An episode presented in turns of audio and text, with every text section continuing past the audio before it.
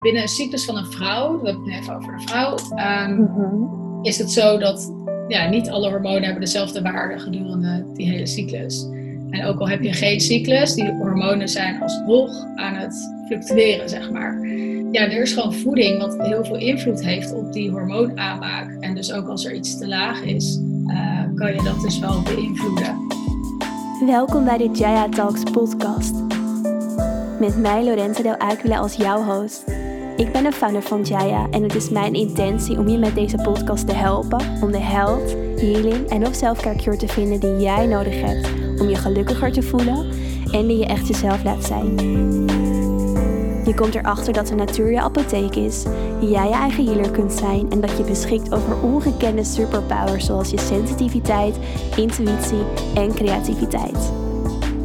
Ben jij benieuwd welke health, healing en of self-care cure jou kan helpen? Dan ben je bij de juiste podcast beland. Welkom bij weer een nieuwe aflevering van de Jaya Talks podcast. Ik zit hier met Lavinia Fransen en Lavinia is orthomoleculair hormoontherapeut. En we gaan het hebben over voeding, hormonen en alles wat ermee te maken heeft. Lavinia, welkom. Superleuk dat je er bent. Ja, hallo. Heel blij dat ik hier mag zijn. Echt superleuk uh, dat je me hebt gevraagd hiervoor. Dus dank. Ja. Ik ben heel benieuwd.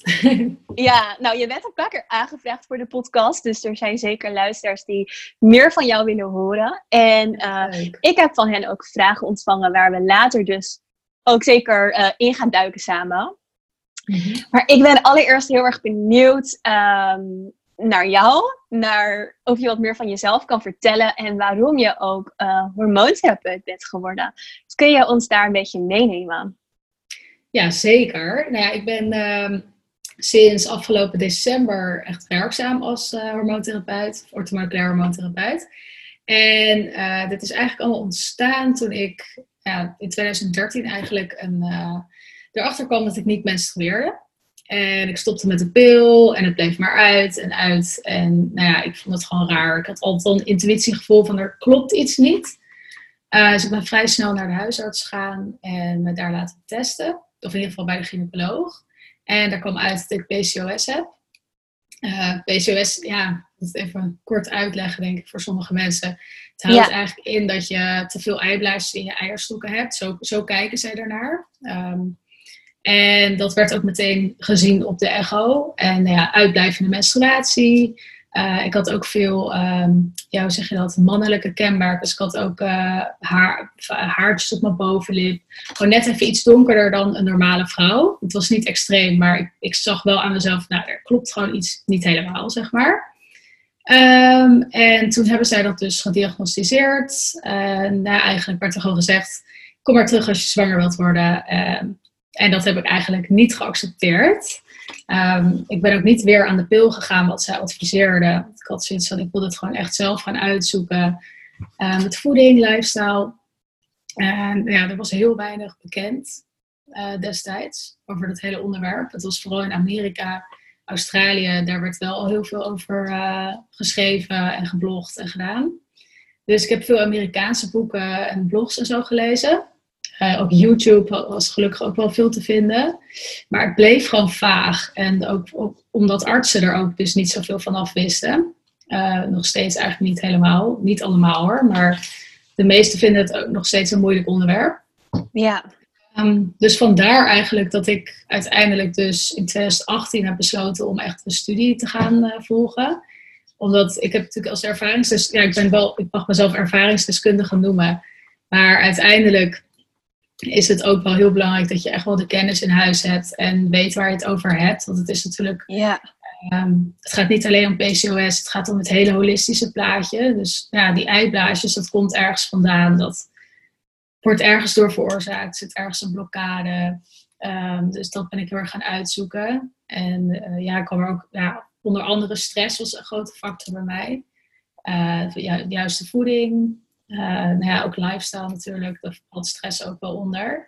Ja. Uh, dus dat een beetje. Dus eigenlijk zodoende ben ik uh, hierbij terechtgekomen. Dus ik heb in de tussentijd ook echt veel fulltime banen gehad. En als cateraar gewerkt, als private chef gewerkt op retreats. En daar kwam ik ook steeds meer achter dat ik echt een passie had voor gezond eten. En daarom ook niet meer als cateraar ehm, al het eten wilde maken wat mensen vroegen. Ja. Voorkeur, zeg maar, voor gewoon voedzaam eten. En niet alleen maar eten wat voedt uh, vult, zeg maar. Ja, ja dus echt wat, Wat, wat echt voedt, inderdaad.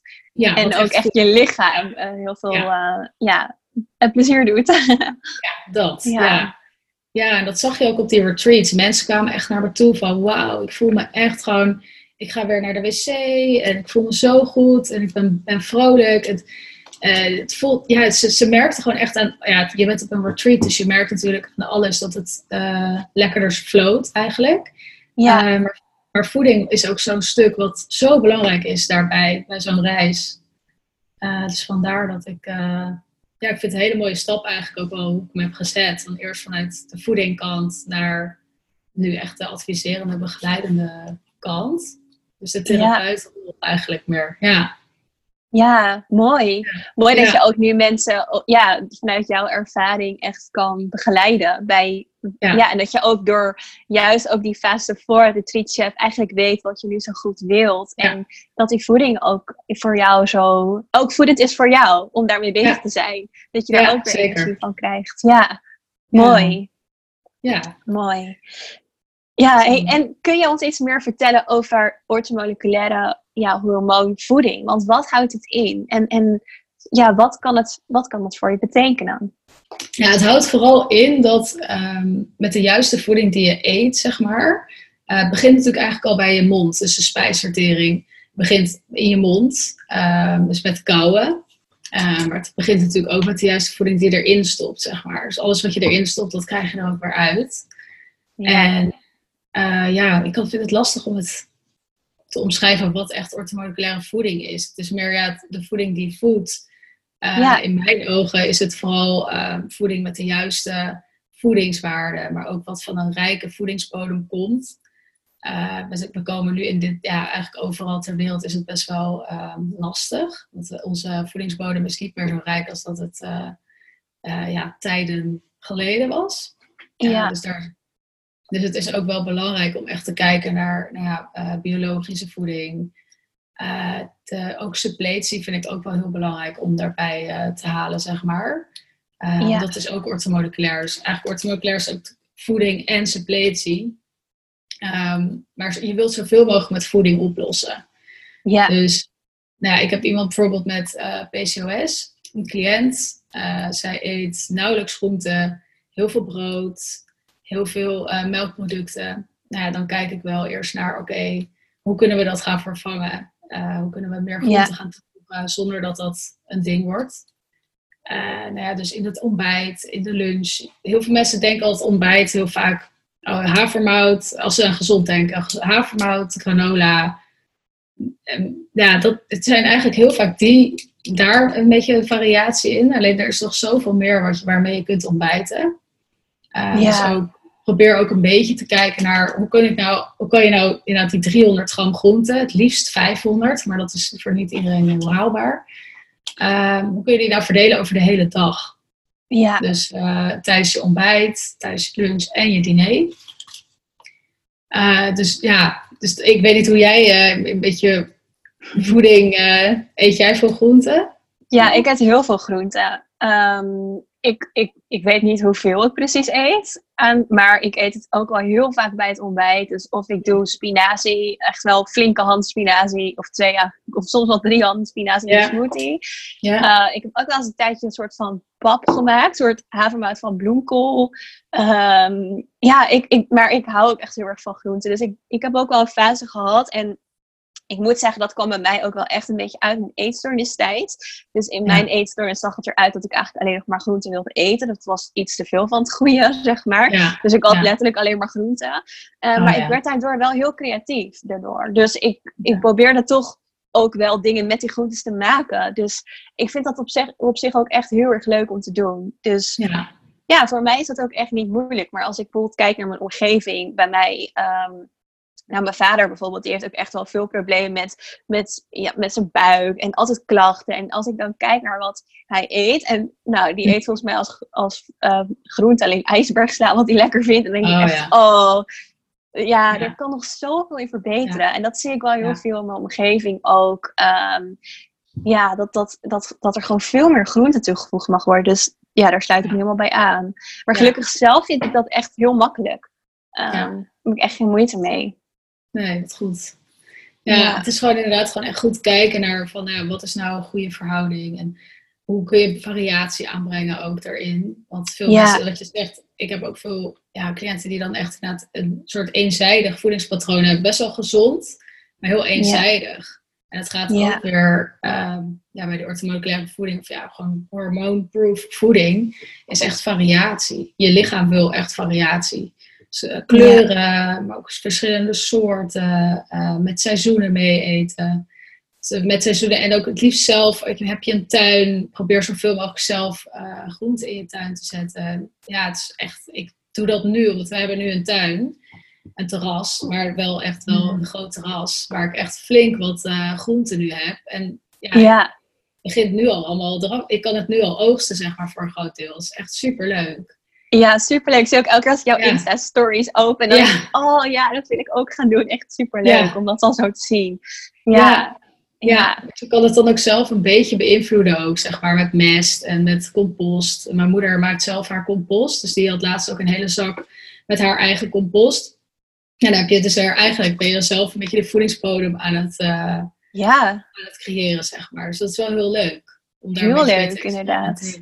Ik ben absoluut geen expert, maar ik begin er een beetje mee te, ja. ja. Ja. leuk om ermee te spelen als het ware. Ja, ja. zeker. Ja. ja. Leuk. Hey, en, en je zei variatie is heel erg belangrijk. Heb je een tip of kun je tips geven over hoe kan je dan meer variëren? Want ik moet zeggen dat ik dat zelf nog wel eens lastig vind. Ehm, dus ik, ik weet wel heel veel groenten in mijn voeding te stoppen. Maar ik heb bijvoorbeeld zelf, en daar had ik het pas ook met anderen over. Dan heb je eenmaal een lekkere smoothie als ontbijt. En dan, dan ben je er echt zo van, oh dit is zo lekker. Dan eet je hem gerust heel de week bijvoorbeeld. Ja, ja. Ook uit nou, gewoonte. Zeker. Ja, het is dus ook um, wat voor mij heel erg werkt, is het opschrijven ook wel van um, mijn weekmenu, weekplanning eigenlijk. Uh, ja. nou, ik ben natuurlijk ook heel veel bezig met recepten ontwikkelen. Dus op zich zit dat heel erg in mijn systeem om ook nieuwe dingen uit te proberen. Uh, maar ik probeer altijd variatie aan te brengen door bijvoorbeeld twee verschillende soorten smoothies. Als ik smoothies uh, eet. Ik heb altijd van die fases. Ik heb nu absoluut geen smoothie fase. Nee. Um, en dan probeer ik echt twee verschillende soorten. En ook gewoon een beetje af te wisselen met wat je in huis hebt. Dus ik haal wel één keer per week, één à twee keer per week boodschappen. En dan kijk ik echt naar, oké, wat is er een seizoen? Nou, dat weet ik inmiddels. Als kok weet ik dat. Maar je kunt op internet echt super veel daarover vinden. Van, nou ja, wat is nu in het seizoen? Dat zie je ook vaak wel. Eigenlijk alles wat in de, in de bonus is of um, nou, goedkoper is, dat is gewoon in het seizoen. Dus een bloemkool is nu niet in het seizoen en is gewoon heel duur. Je ja. kan het krijgen. Die luxe, nou ja, luxe, ik vind het jammer. Maar als je het echt nodig hebt, dan kun je het wel halen. Ja. Um, en kijk ook dus naar, dus ja, seizoensgebonden.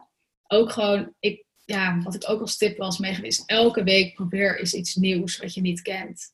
Dus ja. Iets, iets, wat je niet kent in je mandje, zoek het op op Pinterest of op, uh, nee, je kunt sowieso heel veel vinden online. Uh, nou, wat, wat kun je daar nou mee maken?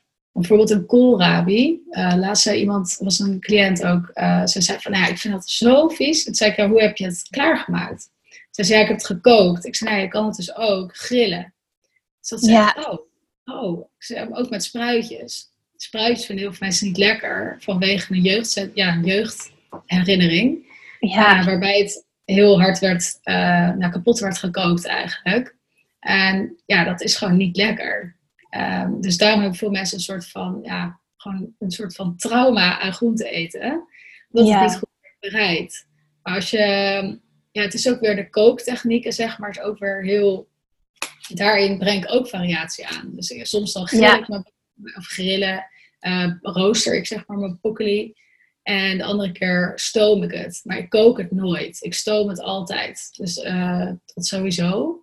Mhm. Gewoon ook om de vitamines te bewaren en ook ja, kort stomen. Dus eigenlijk als die nog groen is, dan is die goed. Maar als die al een beetje dat, ja, een beetje dat andere kleur groen, een beetje dat je hebt die felgroene kleur, zeg maar. Dat is eigenlijk wel goed. Dat wil je. Maar daarna wordt het een beetje dat, ja, een beetje mosgroenachtig kleurtje. En dan wordt het eigenlijk al te ver. Ja. Uh, je wilt toch die vitamines behouden. En ook die knapperigheid, dat geeft ook weer net een andere, uh, ja, een ander smaakgevoel, zeg maar. Waardoor het ook leuk wordt om uh, met, met groenten te werken. Met groenten te gaan experimenteren. Dus ook de groenten die je niet kent en gaat uitproberen. Ja. Um, en ook de variatie, ja, zoveel mogelijk kleur. Dus koop echt, eet gewoon zoveel mogelijk kleur op je bord. Het is, het is aantrekkelijk, je oog wil ook wat. En dat is gewoon, ja, dat is ook wel gewoon onderzocht dat dat gewoon zo is. Mm. Uh, als het er aantrekkelijk uitziet, heb je ook echt zin om het te gaan eten. En ja, dus inderdaad plannen. Ik zit even te denken hoor. Ik zit nu hardop te denken. Wat ik, want dat, voor mij is het zo'n, zeg maar, gewoonte. Ja. Um, en ook mijn cliënten, ik heb zeg maar een methode ontwikkeld dat ze per week een andere ingrediëntenlijst krijgen. En ze mogen wel uit die andere weken, mogen ze ook wel andere dingen halen. Alleen zo'n bepaalde voeding wat invloed heeft ook op je hormoonaanmaak, hormoonbalans.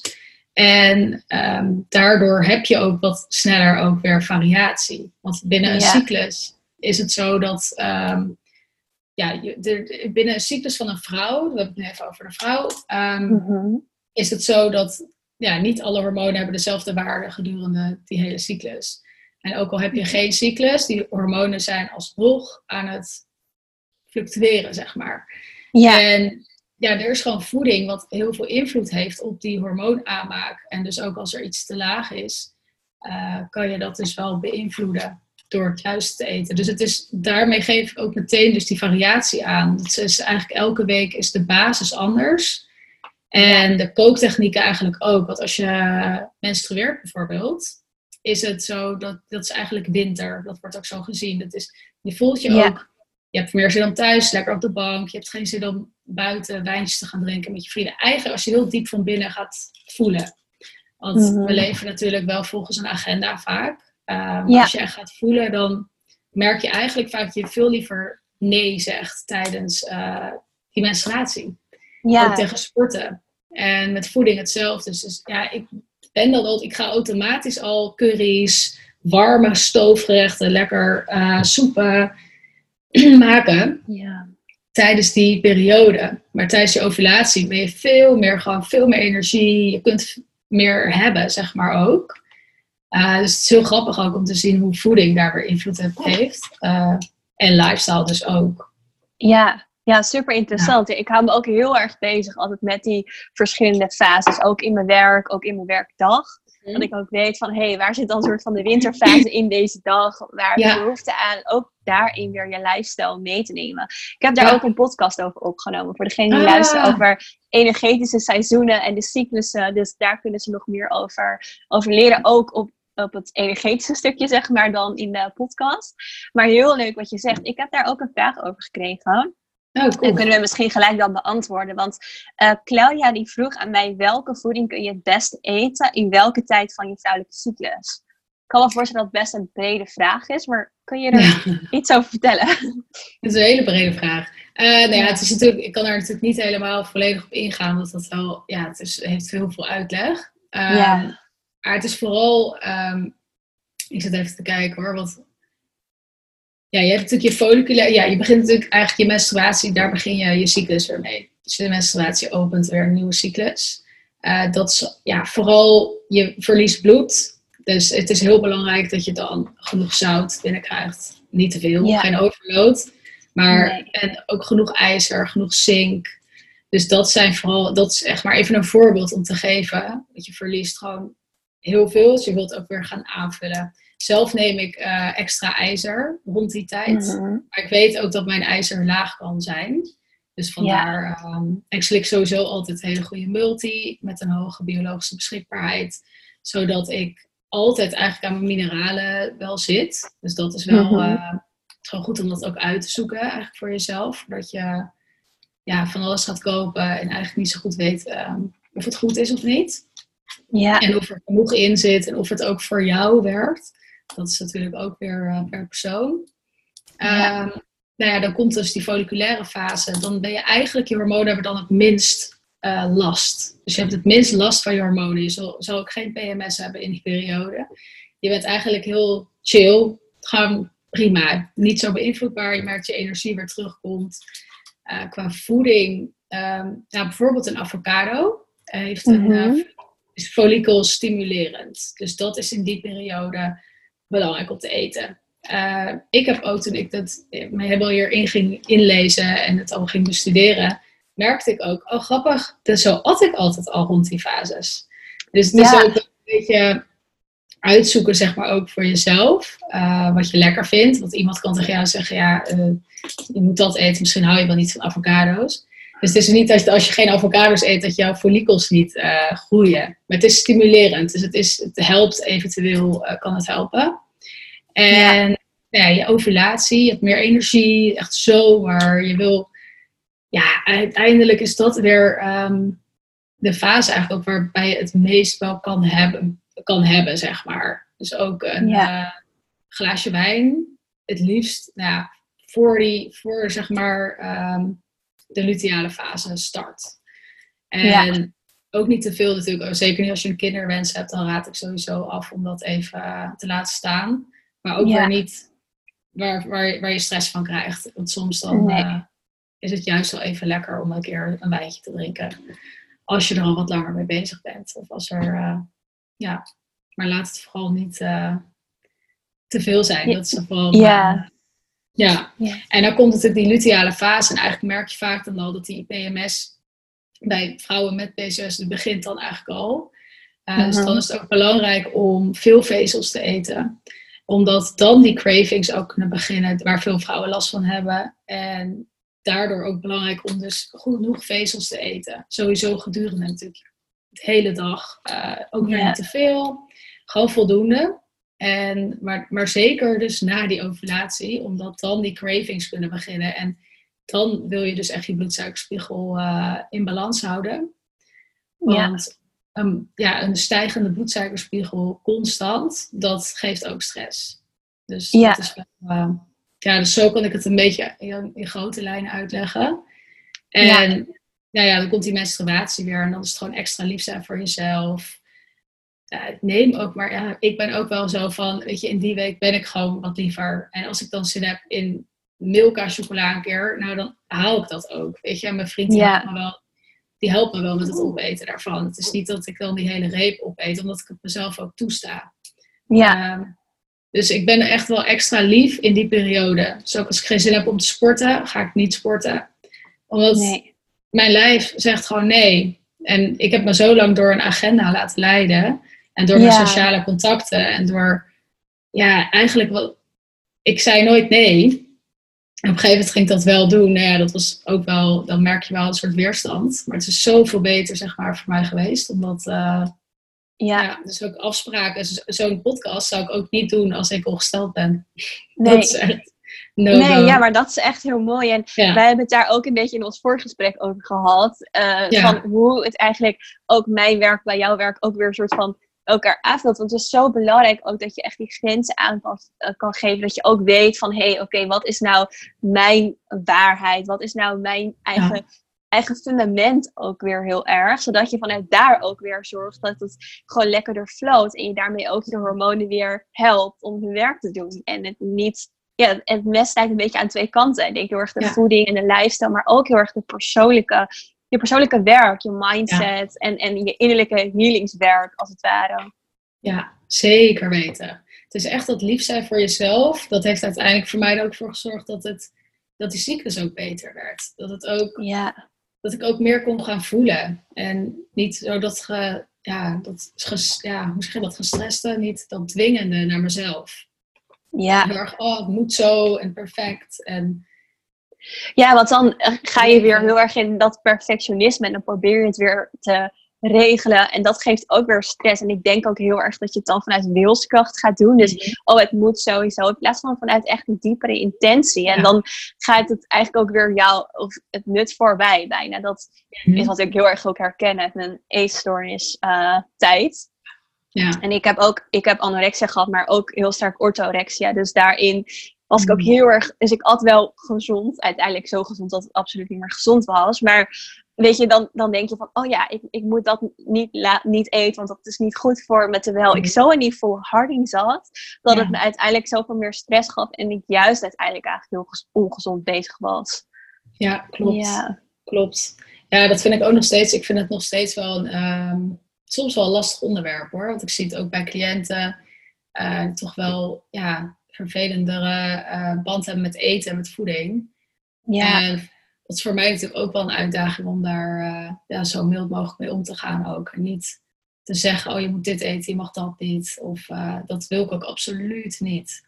Het is Nee. meer van, ja, sta jezelf toe ook om die rust in te gaan. Want uiteindelijk, dan kun je ook echt gaan voelen naar wat je, waar je echt, echt behoefte aan hebt.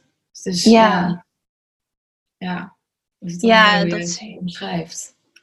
ja, ja, dat is echt gewoon heel belangrijk. Toen ik uiteindelijk meer ook echt die, aan die zelfliefde ging werken, maar ook gewoon aan, oké, wie ben ik nou zelf echt? Dus Mhm. mezelf beter ging leren kennen. Even los van mijn eetstoornis en mijn relatie met eten. Want dat was bij mij zo eh, sterk dat ik daar mijn hele eigen waarde ook aan, af, aan het meten was. Dus aan, aan eten en aan heel mijn eh, sporten en, en het gezonde, zo gezond mogelijk willen leven. Dat was waarvan ik dacht dat ik dat was, zeg maar. Gezond leven, daar, heel mijn leven bestond daaruit. En voor mij was het echt essentieel om ook weer terug te gaan naar, oké, maar wie ben ik? Even los van het eten, los van dat ik perfect wil sporten of leven of zo gezond mogelijk wil zijn. Maar wat zijn nou eigenlijk mijn eigen echte kwaliteiten en waarden? En toen ik weer echt weer terugkwam bij wie ik dus in essentie was, ik noem het je true nature, dus mijn ware natuur, toen was het ook veel makkelijker om die relatie met eten weer gezonder te laten zijn. Dan ging ik me ook beter Ja. voelen, ik kreeg ik ook meer energie.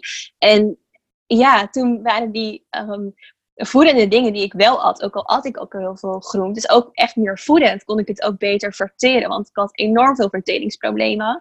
Omdat je krachtcentrum van jezelf zit ook in je buik. Dus Ja. ja, dat, eh, dat werkt allemaal zo sterk met elkaar samen.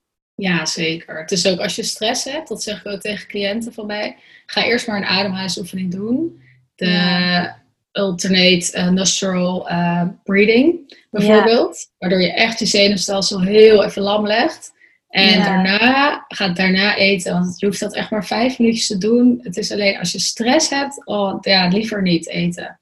Je lichaam gaat, alle, alle energie gaat naar de stress, cortisol. En eigenlijk de hele spijsvertering wordt, wordt stilgelegd. Ja, Dat is heel zonde, want hoe gezond je dan ook eet, niks wordt opgenomen. Ja, er wordt vast iets opgenomen, maar heel weinig wordt ervan opgenomen. Ja, en uiteindelijk, Ja. ja, die hele vertering. Ik had ook echt zo'n, ik was altijd opgezet met buik. En weet je, je merkt gewoon dat het heel veel stress van je lichaam ook kost. Juist die vertering, het werkt dan al niet goed en het kost alleen maar meer energie uiteindelijk ook dan. Ja, ja zeker. Ja. Zeker. Ja, dat heb ik zelf ook wel ervaren hoor. In die tijden. Ja, Ja, dat is echt Ja. best wel. eh, dat, ehm, ik heb zelf dus ook wel echt ervaren dat het ehm, door de stress die ik had, kon ik ook niet afvallen. En het was niet dat ik te dik was, maar ik merkte inderdaad dat opgeblazen, dat, nou ja, gewoon wat voller. Uiteindelijk was het misschien ook wel vocht dat ik vasthield, maar zolang ik stress had, ging er niks gebeuren ook in mijn lichaam. Dus ik- nee. al had ik niks, viel ik ook niet, bijna niet af. Mijn lichaam Nee. hield alles vast. Het was echt een Ja. soort van zo'n grote boodschap van oké, ga eerst maar eens even wat rustiger worden, zeg maar, in dat lijf. Eh, Ja. voordat, je, voordat ik überhaupt, dat heb ik ook eigenlijk, ben ik begonnen met meditatie, eh, zelf naar retreats gaan, eh breathworks. Daardoor ben ik dus mijn lichaam veel meer ingegaan. En eigenlijk pas daarna ben ik veel meer op die voeding, dat ik echt op die voeding ging zitten, zeg maar. Ik was natuurlijk ook altijd wel gezond hoor, maar Ja, dat was daarna pas dat ik ineens met liefde mezelf ging voeden. En ook ja, eh, automatisch al zoiets had van, nou, vind ik dat brood eigenlijk wel echt super lekker. Want het maakt Ja. mij, mijn buik, gewoon, het, ik voel me er niet lekker door, zeg maar, door zoveel brood te eten. nee. Ik Nee. eet nog wel brood hoor, ik eet af en toe nog wel eh, brood. Oké, Maar de- ik at gewoon heel veel brood. En net als ja, veel Nederlanders doen. ja, Ehm, maar ik ging ineens echt voelen van, oh, dit doet voor mij niet zo veel goeds. Mijn buik wordt opgezet, ik krijg buikpijn. Dus het ging meer vanuit liefde dan vanuit, oh, ik mag geen brood eten, want daar word ik dik van of zo. Dat was het niet. ja, Het ging van, oh, ik ga dit vervangen voor iets anders, waar ik me beter door voel, zeg maar. Ja, Hey, en als je dan Ja. kijkt hè, naar voedingsmiddelen, en ik vind het een hele gevaarlijke vraag om te vragen van wat zijn nou slechte voedingsmiddelen en niet, want ik denk dat dat heel persoonlijk is en het gaat ook heel erg om de balans natuurlijk, net als wat jij zegt van hey, een keer Milka chocola is helemaal eh, prima af en toe, zeg maar. Ja. Daar, ik denk dat dat juist ook dan weer heel voedend kan zijn en je lichaam daarmee ontspanning geeft van oké, weet je, ik ben lief voor mezelf, ik sta mezelf toe, dat je daarin je lichaam weer helpt ook juist ontspannen en zachtheid geeft. Dus ik geloof zelf niet heel erg in dat er echt voedingsmiddelen zijn die een. Ja, oké, tuurlijk, er zijn voedingsmiddelen die slecht zijn. Maar als we even kijken naar, je zegt bijvoorbeeld brood. En ehm, nou, iets waar bijvoorbeeld ook heel veel discussie over is, bijvoorbeeld koffie of, of gluten of zuivel. Hoe is jouw kijk daarop in relatie met hormonen? Zijn dat dan dingen die echt je hormoonbalans sterk verstoren? Of kun je daar iets over zeggen? Uh, ja, zeker. Ja, ik snap ook dat het. Ik vind het zelf ook een, uh, een gevaarlijk onderwerp. Uh, Ja. Maar het is meer omdat je wil niet dat mensen um, in één keer iets gaan uitsluiten. Nee. Omdat- dat is ook waarom ik echt persoonlijk blijf begeleiden. Ondanks dat Ja. ik uh, toch ook online cursussen zal gaan doen. Ik wil persoonlijk blijven begeleiden. Omdat het Ja. uh, per persoon gewoon heel verschillend is. De een die kan supergoed tegen koemelk. Nou ja, supergoed. Uh, ze hebben altijd wel, echt, koemelk is eigenlijk wel een, uh, va- wat vaak uit de EMB-test die ik dan afneem, eruit komt. Um, dus dan zeg ik wel, nou ja, vervang het is voor geit en schaap. Het is veel beter Ja. verteerbaar. Uh, dus het is niet helemaal zuivelvrij, wat heel veel mensen denken. Oh, ik moet alle zuivel uitsluiten. Kijk, ik ben wel van biologisch, omdat ik, ja, ik ben toch wel, uh, ik, ja, hoe zeg je dat? Um, een voorstander voor gewoon lief voor dieren zijn. Ja. En als het uh, biologisch is, dan kun je er al vaak wel van uitgaan dat er wel, ja, dat, dat er milder mee omgegaan is, zeg maar, liever. En dat proef je ook in je eten. Dus uiteindelijk. En uh, dus echt gewoon al die goedkope merken zuivel, ja, dat, dat raad ik gewoon wel af, maar dat is meer vanwege dierenleed. Mhm. En dat ik vind dat we te veel eigenlijk met z'n woorden over consumeren eigenlijk gewoon heel veel in, in alles eigenlijk wel. Um, Ja. Dat is een ander onderwerp hoor. Daar kunnen we een andere keer een hele podcast Ja. over. ja. maar um, even kijken. Dus vaak komt er dan koemelk uit. Waarbij ik dus wel zeg, uh, ja, sluit het dus even uit. Niet 100%, want 100% is onmogelijk. Uh, dat is, het is mogelijk, maar dan wordt het weer zo'n groot, dan wordt het weer zo groot uitvergroot eigenlijk. Van, oh, dat Ja. mag niet. En dan wordt het eigenlijk weer een ding. Uh, dus ik zeg ook altijd, nou ja, sluit het voor een deel uit. Of probeer het even een paar dagen wel helemaal uit te sluiten. Kijk hoe jij je voelt. Schrijf het op. Uh, houd bij. Probeer het daar dan nog eens een keer te eten. Kijk even hoe het ook voor je voelt. Want vaak als je het echt zelf weet en voelt, dan pas gaat het ook landen. En ja. dat kan ik wel tegen je zeggen. Maar ja, als jij gewoon heel erg gewend, gehecht bent aan uh, je yoghurt elke ochtend. Ja, dan is dat heel lastig. Dus dan probeer ik het wel op die manier uit te leggen als iemand, daar, als iemand er dus heel heftig op reageert. Ja. En uh, dus ook met gluten. Uh, niet iedereen is gluten in, in, hoe zeg je dat? Intolerant. Zo. um, dus, maar het is wel, uh, wat ik wel belangrijk vind, is om te kijken van ja, wat doen gluten nou met jou? Dus dan zeg ik ook, test het even uit. Ga het eerst uitsluiten en dan weer insluiten. Kijk hoe je voelt. Ja. Veel mensen die dus wel een intolerantie hebben, of het nou mild is of niet, die merken echt wel heel snel verschil. En die hebben ook zoiets van, oh, nou dan ga ik dat dus even vervangen voor iets anders. Maar wat ik wel belangrijk vind, is echt dat het goed wordt vervangen. Dat ook Ja. uh, in brood wordt veel jodium gestopt. Daardoor hadden wij uh, ja, bij nauwelijks jodiumtekorten. Veel mensen gaan geen brood meer eten, krijgen jodiumtekort. Dus dat zijn wel, is wel informatie waarvan ik eh, wil dat mensen dat ook weten. Je als je stopt met brood eten, zie je ook in dat je het weer goed vervangt. Ik maak bijvoorbeeld zelf een zadenbrood en daar stop ik zeewier in.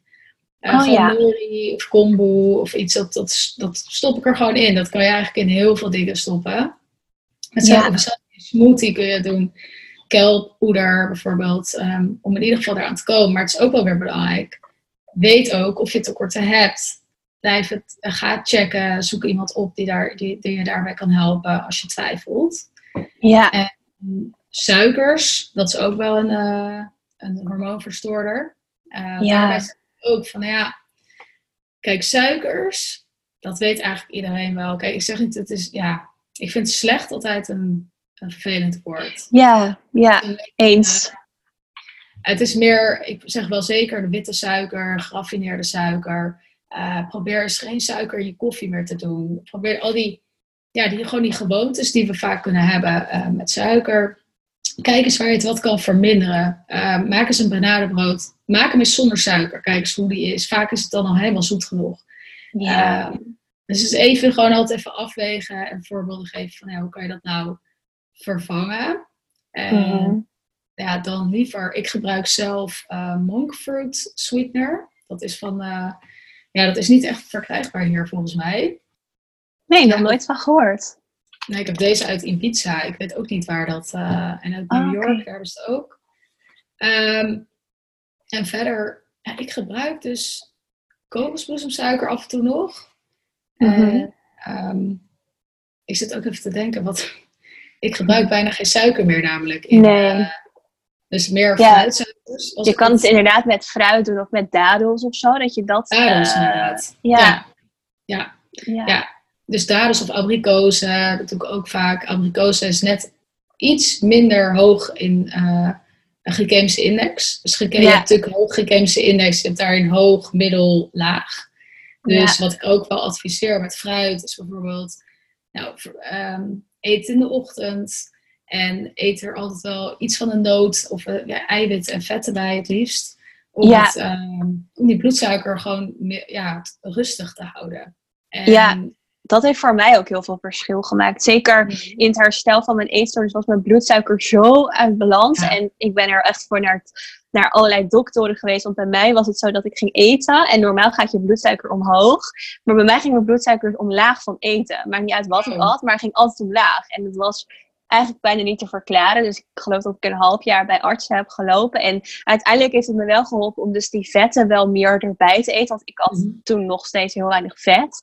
En dat hielp uiteindelijk wel om het weer meer in balans te krijgen. Maar dat was echt een zoektocht ook. Zo, ja. Ja, Ja, dat is ook nog eentje, hè? vetten. Veel mensen vinden Ja. vetten heel eng. Heel eng. Ja. Eh, ik denk echt, oh, vetten. Nee, want daar word je dik van. Maar vetten, gezonde vetten, is echt zo essentieel, voor, zeker voor vrouwen. ja, want hormonen hebben vetten nodig. En ja, wij hebben ook vet in ons lichaam nodig om een goede hormoonbalans te hebben. En niet ongezond veel, maar wel een goede, ja.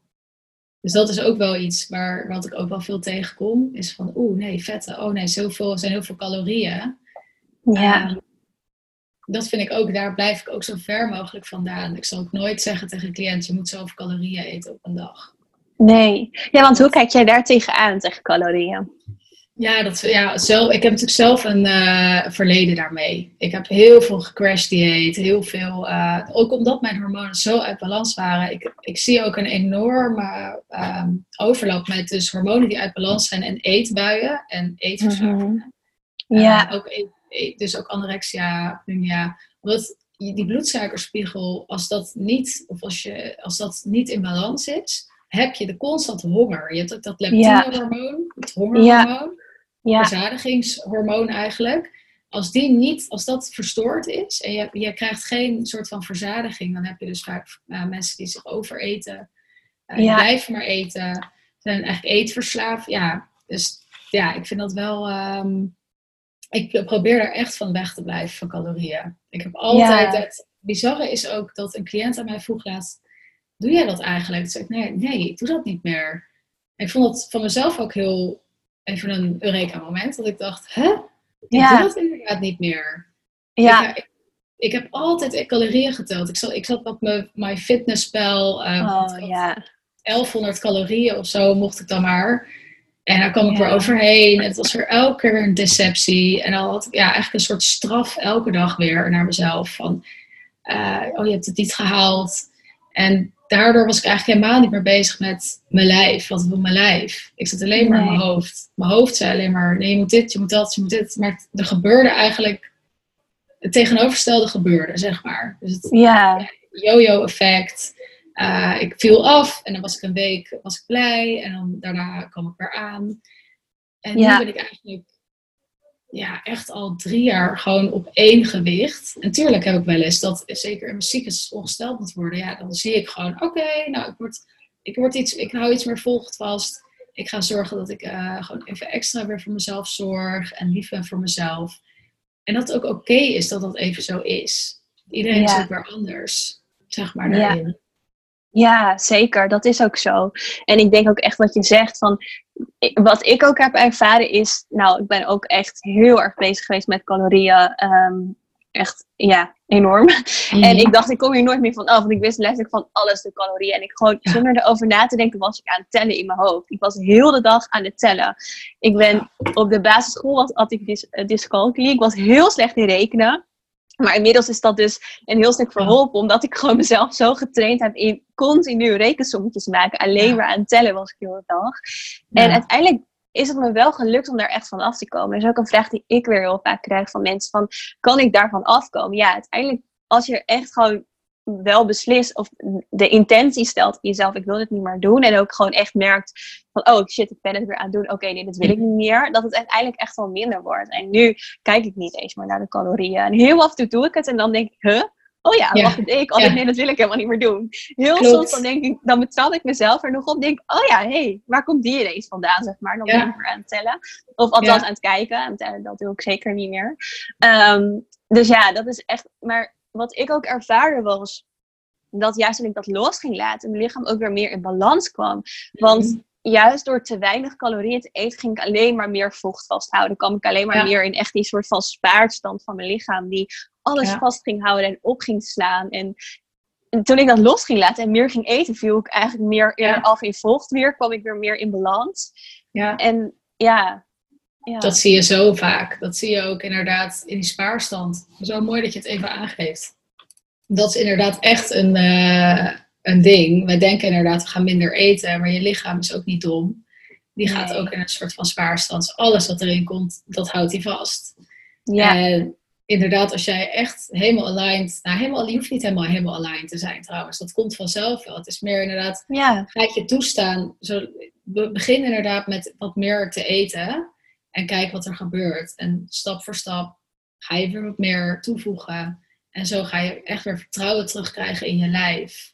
En ja. je uiteindelijk voel je meer aligned in je, in je, in je lijf. En voel, dan ga je dus inderdaad ook die calorieën tellen. Je vergeet het. Ik ben het ook vergeten, maar soms inderdaad komt het weer terug. Ik had het laatst met havermout. Dat, uh, ik had oh, altijd standaard 40 gram of zo had ik altijd in mijn hoofd. Dat weet ik ook nog. Ik ook. en toen wilde ik het weer gaan afwegen. Ik zei, hè? Nee, dat gaan we niet doen. We doen gewoon een beetje, wanneer, gewoon op gevoel. En als je het niet, niet meer, wat soms, dan is het te veel. Nou, dan eet ik het gewoon. Of dan eet ik het pas uh, weer om, uh, voor mijn lunch of zo. Dat ik dan nog, dat ja. ik, ik nou prima. Ja. Uh, dus ook niet meer van, oh, ik moet dus dit opeten. Dat was ook altijd een zo'n bodemdrift die ik dan had. Ja. Ik moest het opeten. Van waar, waar komt dat nou vandaan? Ik denk van vroeger of zo, dat je dat van je ouders moest. ja, dat zou goed kunnen. Ja, of misschien toch ook wel hormonaal. Dat je, dat je die echt ja, ik weet, bij mij is het zo geweest dat ik, ik hield ook echt enorm vast aan mijn eetmomenten. Dus ik had vanuit mijn eetstoornisbehandeling geleerd, oké, okay, ontbijt, tussendoortje, lunch, tussendoortje, avond, tussendoortje.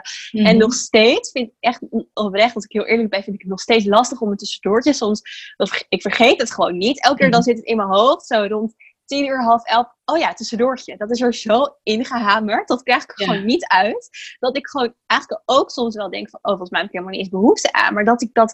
Dat is er echt in gedrild. Dus uiteindelijk is dat heel lastig om dat uit te krijgen. Terwijl op zich is het niet per se heel verkeerd. Maar soms denk ik van nou... Ik heb er eigenlijk niet per se behoefte aan. Maar dan zit het in mijn hoofd. En dan is, lijkt het ook alsof je lichaam er gewoon zo aan gewend is. Van, oh ja, er moet nu een tussendoortje in of zo.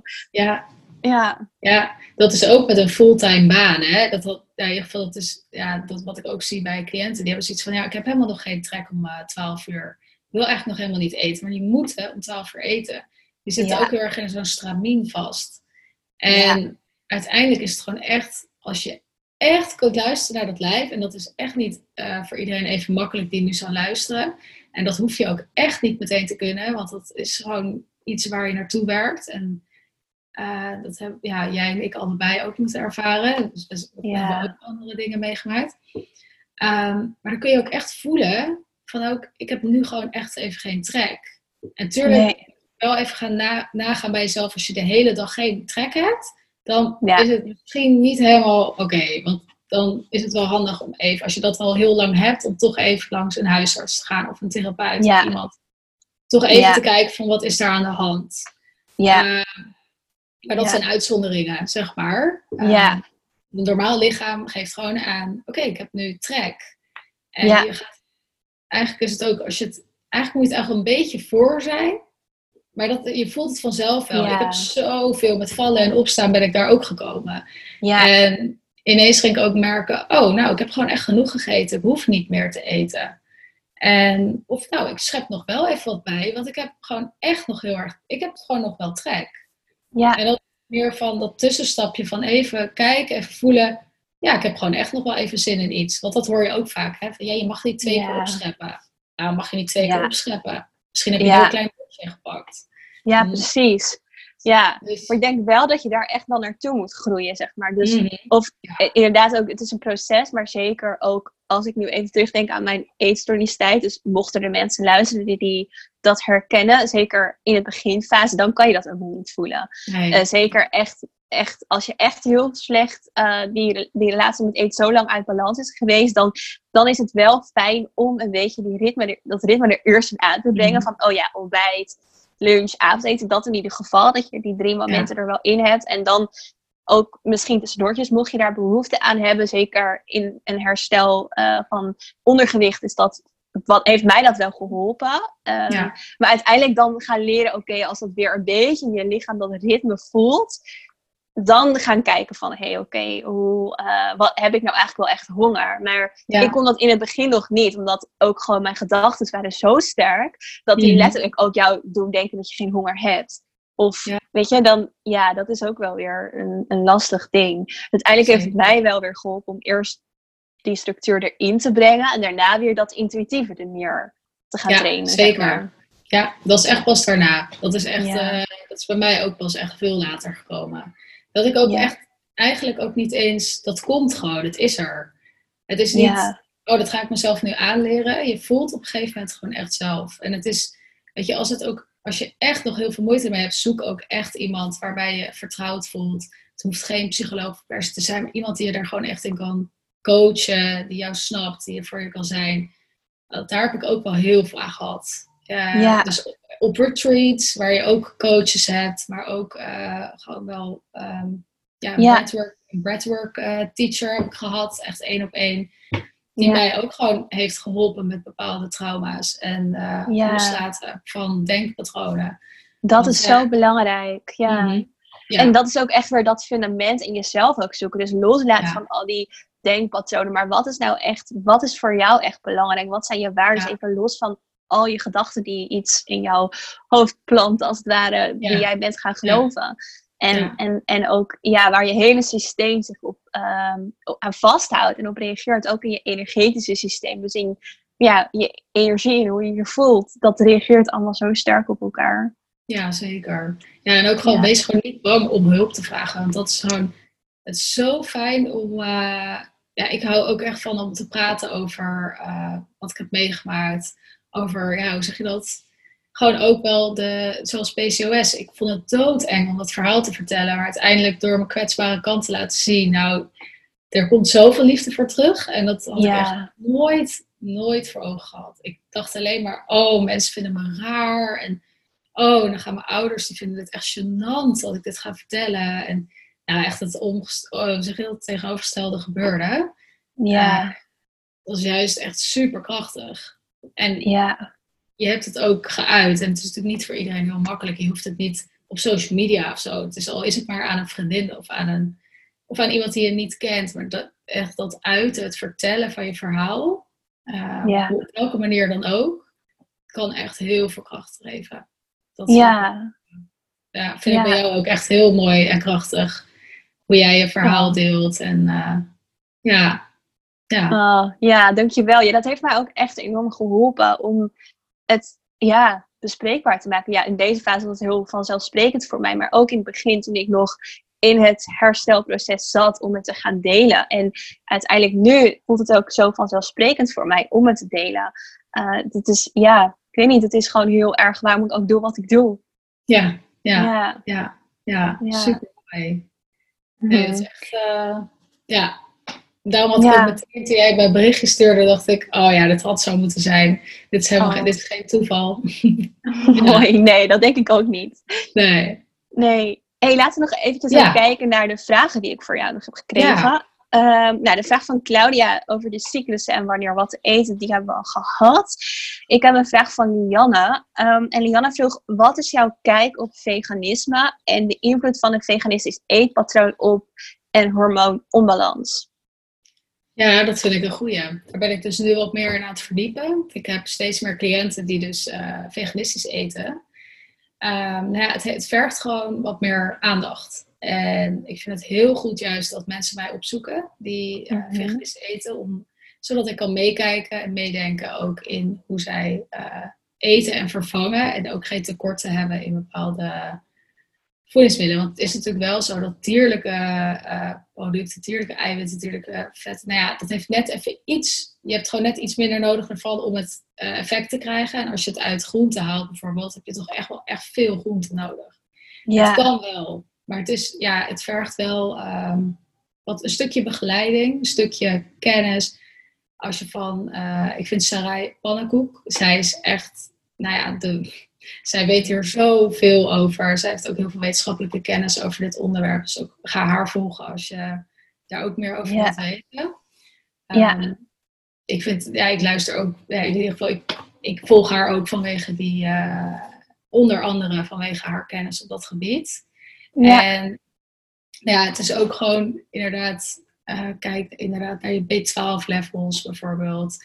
Maar check ook gewoon regelmatig uh, ja, je, je bloedwaardes, of het nou met de orthomoleculair therapeut is en of met de huisarts, dat is niet zo'n uh, probleem. Maar het is wel, houdt ja, extra in de gaten hoe je je voelt en hoe het op jou overkomt. Dus ook, ja, ik heb soms met veganistisch dat ik denk, houdt het, um, is het een, zeg een overtuiging of is het echt iets mhm. wat je aan je lichaam wilt geven? Dat vind ik ja. soms Um, dus ook, ik heb cliënten die echt veganist zijn gaan eten vanwege hun huid, uh, vooral. Mm.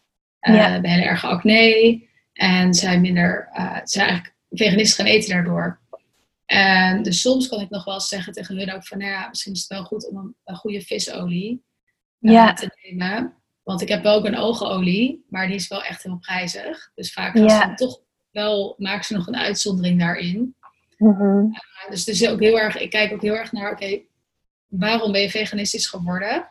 Mm En nou ja, hoe kunnen we inderdaad kijken dat die waar, ja. Ja, dat, dat die waarden dus goed zijn. Dat je dus echt goed, goed uh, ja, aan, hoe zeg je dat? Um, vervangt. Goed vervangen. Echt goed vervangen. En zorgen dat je niet met tekorten komt te zitten. Want dat zie ik wel veel bij mensen die veganistisch eten ja, dan zie je het ook al snel aan. Dat je het haar uh, gaat uitvallen. Ja. Uh, we hebben ja, niet meer een goede gloed in het gezicht. Dan weet ik wel, oké, daar moet wel echt even naar gekeken worden. En je kunt, het is wel mogelijk. Maar ja. ik, ben zelf, ik ben zelf geen pro-vegan. Ik ben eerder nog wel vegetarisch. Maak af en toe, um, ja, als je nog ergens een, een, een soort van uitzondering kan maken, Um, zeker bijvoorbeeld als er um, het immuunsysteem bijvoorbeeld of zo van alles niet goed is. Maar ja. ja. ik durf er nog niet te veel op in te gaan, zeg maar. Um, ja, wat wel en niet goed is. Ik vind het nee. super dat mensen veganistisch eten. ik zou het zelf, ik eet eigenlijk zelf bijna, nou, ik eet toch soms nog wel vlees. En vis mm -hmm. ook maar het is. Ik eet bijna wel gewoon vegetarisch eigenlijk. Mm soms echt behoefte aan vlees. Ehm, en dan haal ik echt bij een biologische slager waarvan ik weet dat is gewoon helemaal safe en goed. Ah, goed. Ja. Uh, iemand die vegan is, zal dat niet zo uh, zien. Maar... Nou ja, ik eet zelf ook veganistisch. Maar wat, ik vind het ook prima als mensen wel vlees of vis eten, maar waar het voor mij heel erg gaat, is omdat je het bewust doet. En niet dat je denkt, oh, het hoort erbij. Als ik nu kijk ook naar mensen in mijn familie, die als er dan een keer geen vlees bij zit, dan is het, ja, waar is het vlees? Terwijl het echt gewoon een hele voedende maaltijd is met of kaas of een vervanger. Of, weet je, dan, mhm. het is zo erin gebakken dat het altijd dat, dat er vlees bij hoort. En dat vind ik meer het lastige van. En als je dan na gaan denken over waar het vandaan komt of wat er met de dieren gebeurt, dan is het ja, dat vind ik wel erg, maar ja, iedereen doet het. En dat vind ik, daar heb ik dan eerder moeite mee. Van, ja. Ja, wees er wat bewuster in. Weet je, als jij gewoon wat minder vlees eet, is het gewoon bekend dat het niet zo goed voor het milieu is. En nou, kunnen allen wel iets minder vlees eten, denk ik, want het hoeft niet elke dag er in je voeding te mhm. zitten. Ik denk dat dat al heel mooi is, zeg maar. Dat is uh, prima als je kijkt ik ben veganistisch gaan eten omdat dat er ook echt in gegroeid is. Ik altijd vanuit mijn eetstoornis al bijna. Maar juist in mijn herstel ging ik naar heel veel retreats waar ik heel veel veganistisch ging eten. En kwam ik er veel meer met echt de mooie kant van veganisme in aanraking. Dus uh, heel erg het liefde, liefde in het eten stoppen. En dat heeft mij juist weer heel erg geholpen om ook een betere relatie met eten te krijgen. Van, oh, het is niet alleen maar slecht zoals ik het in mijn hoofd had, maar er zit heel veel liefde in. En dat heeft mij echt er heel erg bij geholpen, juist weer. Maar het is wel goed om inderdaad voor jezelf te kijken van waarom wil je veganistisch eten en ja, wat zijn je overtuigingen daarachter? Zodat het je niet weer meer stress kost. Dat, ja. Ehm, ja. Ja, dat, zie ik ook veel. En ook, ja, weet gewoon hoe je moet vervangen. Vraag daar ook gewoon hulp bij als je daar hulp bij nodig hebt. Uh, ja. wees ook niet ehm, ja, terughoudend in het checken van je B12, van je ijzer, van ja, gewoon belangrijke waardes. Je kunt echt uh, genoeg uit voeding halen, genoeg uit suppletie halen. Uh, om, gewoon juist, eh, om gewoon het juiste binnen te krijgen. Ja, je, bent zo, je weet het zelf natuurlijk ook. Ja. dat is ook wel. Ja, ik zie ook vaak wel mensen die vegan eten, zijn ook wel meer bewust vaak van, um, van hun lijf. Die, ja, in ieder geval niet allemaal hoor, maar wel veel. Omdat ze ook die bewust die keuze hebben gemaakt om vegan te gaan eten. Ja, en ik denk ook die restrictie dat ik heb bijvoorbeeld als ik in Thailand ben, daar stoppen ze bijna altijd ei in eten. En enkele keer als ik dan ergens anders ga eten, dan vergeet, dan vergeet ik het te zeggen. En dan heel soms eet ik ook wel een keertje ei. Dan denk ik, ja, om het nou weg te gooien, dat vind ik dan ook weer mhm. zonde. En ik weet dat het daar wel gewoon biologische eitjes zijn. Uit de kippen lopen daar letterlijk onder je voet door, zeg maar. Dus dan is het ook weer wat anders. En dan is het denk ik heel belangrijk dat je niet voor die volharding kiest, maar juist voor die zachtheid en, en, en die liefde erin. Ja, klopt. klopt. Ja, ja. Hey, eventjes snel nog de laatste twee mhm. vragen. Uh, hoe kijk je uit tegen koffie? Dat vraagt uh, Ilja. Uh, ik kijk bij koffie heel erg stresslevels bij mensen. kort, ja, dus koffie, dat, nou ja, cortisol, het stresshormoon zeg maar. Als daar te veel van wordt aangemaakt dan, en je drinkt ook nog eens heel veel koffie, dan kan dat uit balans raken. Dus, het, ehm, dus als iemand echt heel veel stress heeft, dan zeg ik wel, houd echt bij één kopje per dag. Ja. En ik ben fan van Chico Not Coffee. Dat is een uh, oplosbare koffie.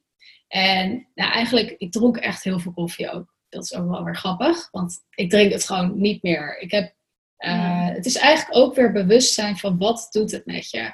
Ja. Ik werd heel onrustig. Ik kreeg echt een brok in mijn keel en stress ik voelde gewoon alsof ik werd achterna gezeten door iets. En ik was dan met iemand, had ik gewoon een zakelijke afspraak met iemand. En ik werd ineens helemaal apathisch. Dan zat ik ook echt, dat ik dacht, oh, dat is gewoon echt niet goed voor mij. En ik ging het steeds, ik heb het echt eerst al die signalen ook genegeerd, genegeerd, genegeerd. Ik dacht gewoon, ik ben stress, een stresspersoon. Dus ik heb dat gewoon. Totdat ik ehm, ja, ook maar weer ging inlezen erin. En op een gegeven moment dronk ik bij een vriendinnetje. En ze had heel lekker, uh, zij heeft zo echt zo'n zo'n koffiezetapparaat. En had dat voor mij oh, gemaakt. En ik dronk het en zij zei, gaat het wel met je? Ik zo, nee, ik word helemaal gek. Ik weet niet wat er gebeurt. Mijn lichaam, hm. oh, ja, ik werd gewoon letterlijk echt in paniek. Ik had gewoon een soort oh. halve panic attack, zeg maar. En uh, toen zei ik ook tegen haar, ik zei, het is echt de laatste keer dat ik koffie drink. Het is gewoon de laatste keer, het is nu gewoon klaar.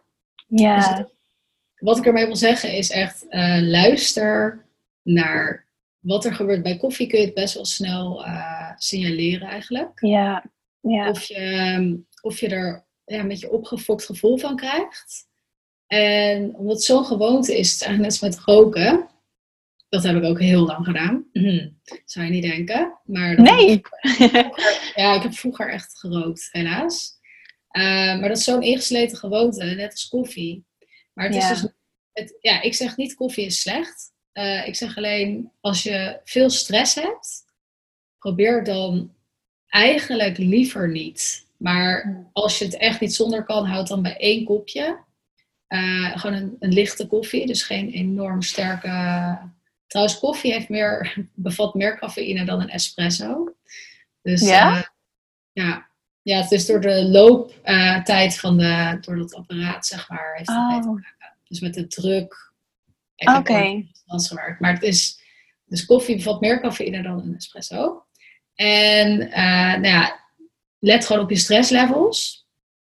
Als dat Ja. heel, heel heftig is, drink gewoon, ja, probeer het ver- ver- vervangen. Dus voor bijvoorbeeld Chico Not koffie. Uh, ik heb mijn koffiemomentje dus met dat Chico Not koffie met amandelmelk. En ehm turmeric latte, zo kurkuma latte. Dus dat ja, ook- ik ben fan. Heel Ja. lekker. Ja. ja, en dat geeft nog wel dat momentje. Want waar ik vaak waar ik achter ben gekomen, ook bij cliënten, het is niet zozeer de koffie, het is het koffiemomentje. Dus Ja. dat, dat, dat momentje wat je op je werk kan hebben, wat je thuis, als je thuis werkt of als je eh freelance bent, je gaat lekker even ergens een koffietje drinken. Je zegt ook heel vaak, oh, zullen we een koffietje doen? Ja. En het is een beetje... Het heeft iets gezelligs. Zoiets Ja. selfcares of zo. Ja. Ja. Ja, Ja. Dus het is ook, het hoeft, weet je, als je eh, nu denkt, je luistert, je bent, je bent gestrest en je denkt, oh nee, ik mag geen koffie meer.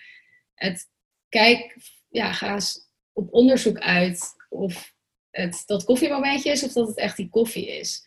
Want dat Ja. koffiemomentje hoeft nooit te verdwijnen. Dat kan je altijd blijven doen. Ik bestel nu ook gewoon, eh, mijn vriendinnetjes kijken me soms ook raar aan. Dan zeg ik, eh, mag ik een, eh een decaf cappuccino met havermelk?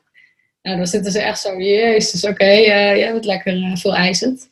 En dan, maar dan denk ik, nee, dat vind ik echt chill.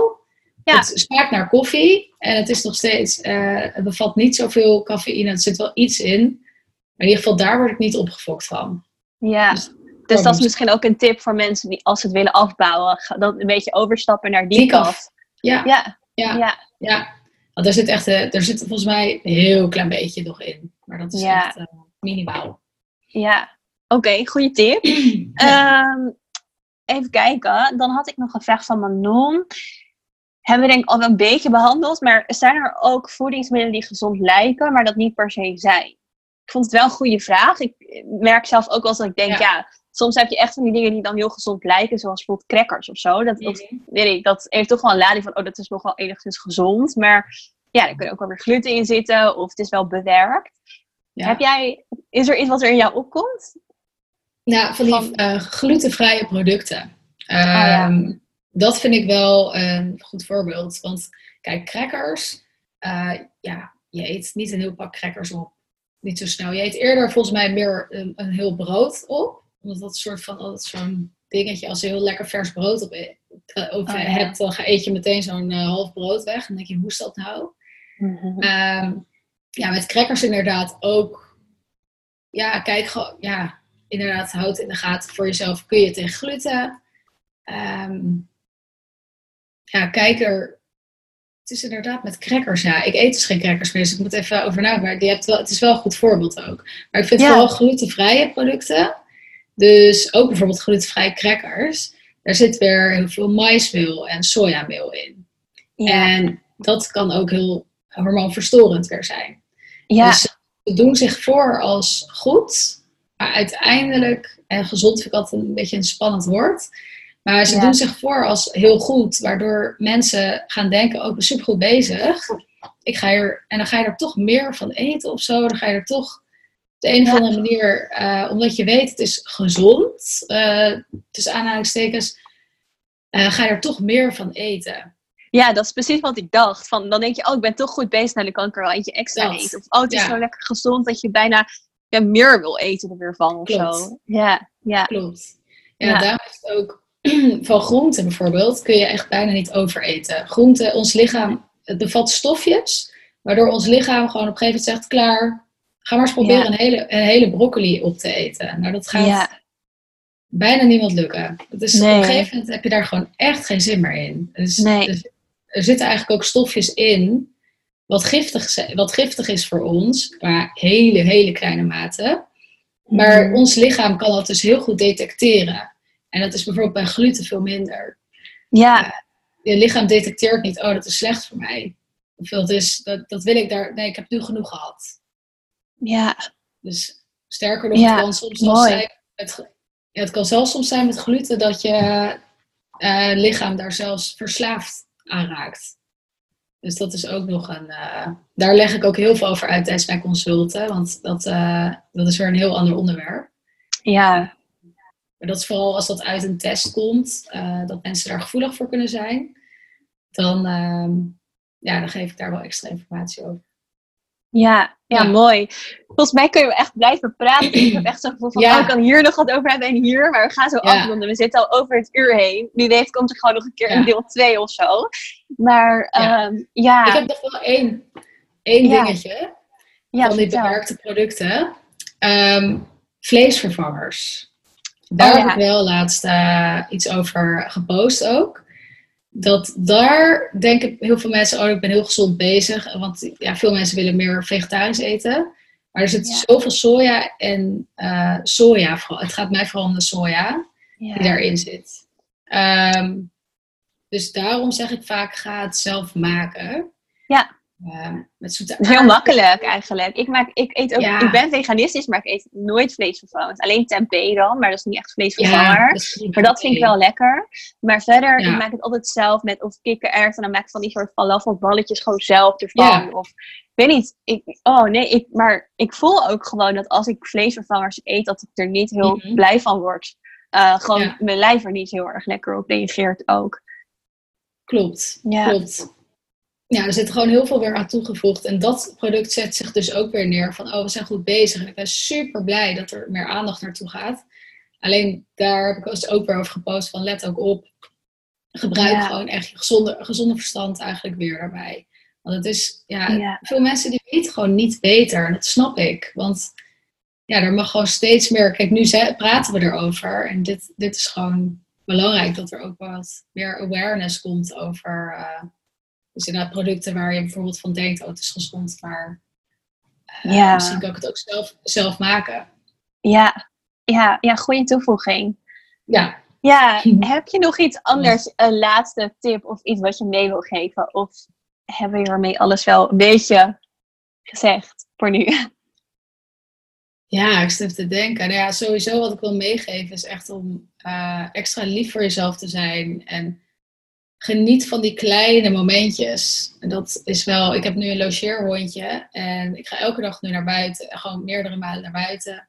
Dus ik moet pauze nemen en dat vind ik zo lekker. Het is ook, Ja, het, ja, dus gun jezelf echt die, ja, al is het maar vijf minuten even naar buiten, even eh, je kop legen, even eh, ja, eruit. Mensen die roken, die gaan ook vijf minuten rookpauze houden. Dus dat is, dat mogen wij ook doen, Ja. zeg maar. Ja, Ja, zonder dat we gaan roken, maar ik bedoel meer even die pauze nemen om eh, ja, even die break. Ja, even die break, eh, geniet van de kleine momentjes en ja, wees lief voor jezelf. Nou ja, ja, mooi. Ja, ik denk ook dat dat het heel mooi samenvat. Van werk aan het fundament van zelfliefde in jezelf, het fundament van jouw essentie, ook het fundament in je voeding, in je lifestyle. Zoek wat Mhm. voor, voor jou werkt ook. Dat is wat ik ook hoor zeggen. Van, en, en luister heel erg naar jezelf, naar je lichaam, vanuit je intuïtie, vanuit zelfliefde, naar wat jij nodig hebt en ook naar wie jij echt bent. Dus los van de gedachten of patronen die je misschien hebt rondom voeding of, of zelfbeeld of nou ja, overal waar we die patronen over kunnen hebben en gedachten. ja. zeker waar. Zeker waar. Ja, ja. mooi. Hey, Lavinia, waar, ja, jij bedankt. Ehm, nog even belangrijk, waar kunnen mensen meer van jou vinden? Ehm, nou, op mijn Instagram, op, eh, dat is at, Lavinia Fransen. En dan mijn website is www.laviniafransen.nl. En ja, jij zal me Ik waarschijnlijk zet het allebei in de beschrijving. Ja, ja, ja. En Ja, ik zal je taggen sowieso, dat komt goed. Nou, Lavinia, super bedankt. Ik vond het echt een heel leuk gesprek. En ik weet zeker dat de luisteraars hier heel veel tips en uh, info uit kunnen halen. En mochten ze nou verder hierover willen, dan is het zeker belangrijk om jou gewoon even een berichtje te sturen. Om te kijken hoe jij ze verder kan helpen. En uh, ja, nogmaals, dankjewel. Super leuk dat je er was. Top, heel graag gedaan. Ik vond echt heel leuk om uh, ja, hier met jou over te kletsen. En ook om jouw verhaal weer te horen, zeg maar eigenlijk hoe jij het ervaart en hoe jij je stappen hebt gezet. Echt heel mooi. Dus dank. Dankjewel voor het luisteren naar deze aflevering. Als dit de eerste aflevering was voor jou van de Jaya Talks podcast, abonneer je dan op de podcast en op dit kanaal. Zodat je alle volgende afleveringen niet mist en ik jou ook kan helpen bij de connectie versterken met jouw true nature. Vond je deze aflevering waardevol? Dan zou het me heel erg helpen als je een review achter zou kunnen laten in de iTunes Store. Deel de podcast op jouw social media en stuur ons een screenshot van jouw review, zodat we jou als bedankje een True Nature Healing sessie toe kunnen sturen. Dus subscribe, laat je review achter en spread the message, zodat meer vrouwen zoals jij de podcast kunnen vinden. Dankjewel en tot in de volgende aflevering. Doei doei!